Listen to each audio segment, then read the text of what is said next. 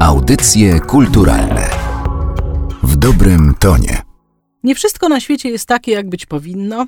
Są nie tylko uczciwi ludzie, ale też przestępcy, co sprawia, że istnieją więzienia. Pierwszą polską nazwą więzienia była przejęta jeszcze z języka prasłowiańskiego, ciemnica. Wyraz ten oddawał charakter miejsca, w którym trzymano więźniów. Było ono pozbawione światła, na ogół urządzone w jakichś lochach. Przeciwieństwem ciemnicy, znajdującej się, jak wiemy, zwykle gdzieś w podziemiach, była wieża. Także w ten sposób nazywano więzienie, dlatego co oczywiste, że znajdowało się ono dosłownie w wieży, z której ucieczka była niemożliwa. Wieża, co ważne, oznaczała nie tylko takie więzienie, które było położone w wieży, lecz także każdą inną celę. I na tę celę też mówiono wieża. Podobny charakter miały inne określenia przymusowego miejsca odosobnienia, na przykład twierdza. Z tych nazw, które tutaj wymieniłam, najczęstsza i zarazem najstarsza była ciemnica. W powszechnym użytku była też wieża. Ale nie są to jedyne odpowiedniki dzisiejszego wyrazu więzienie. Przez długi okres funkcjonowało słowo jęctwo. Był to rzeczownik utworzony od czasownika jąć, znaczącego tyle co chwycić, wziąć. Sam ten czasownik jąć w zasadzie nie jest już używany w tym znaczeniu, ale pozostawił niezwykle liczną rodzinę, do której należą takie czasowniki przedrostkowe jak ująć, przyjąć, wyjąć itd., tak a także po prostu wziąć.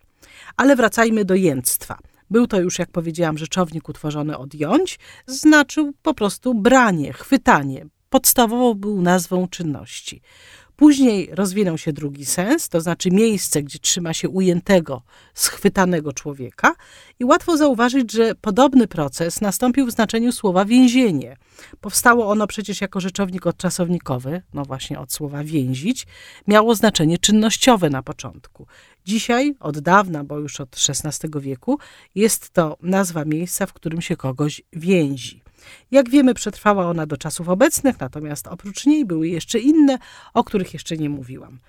Nawiązywały one do sposobów torturowania ludzi osadzonych w więzieniu.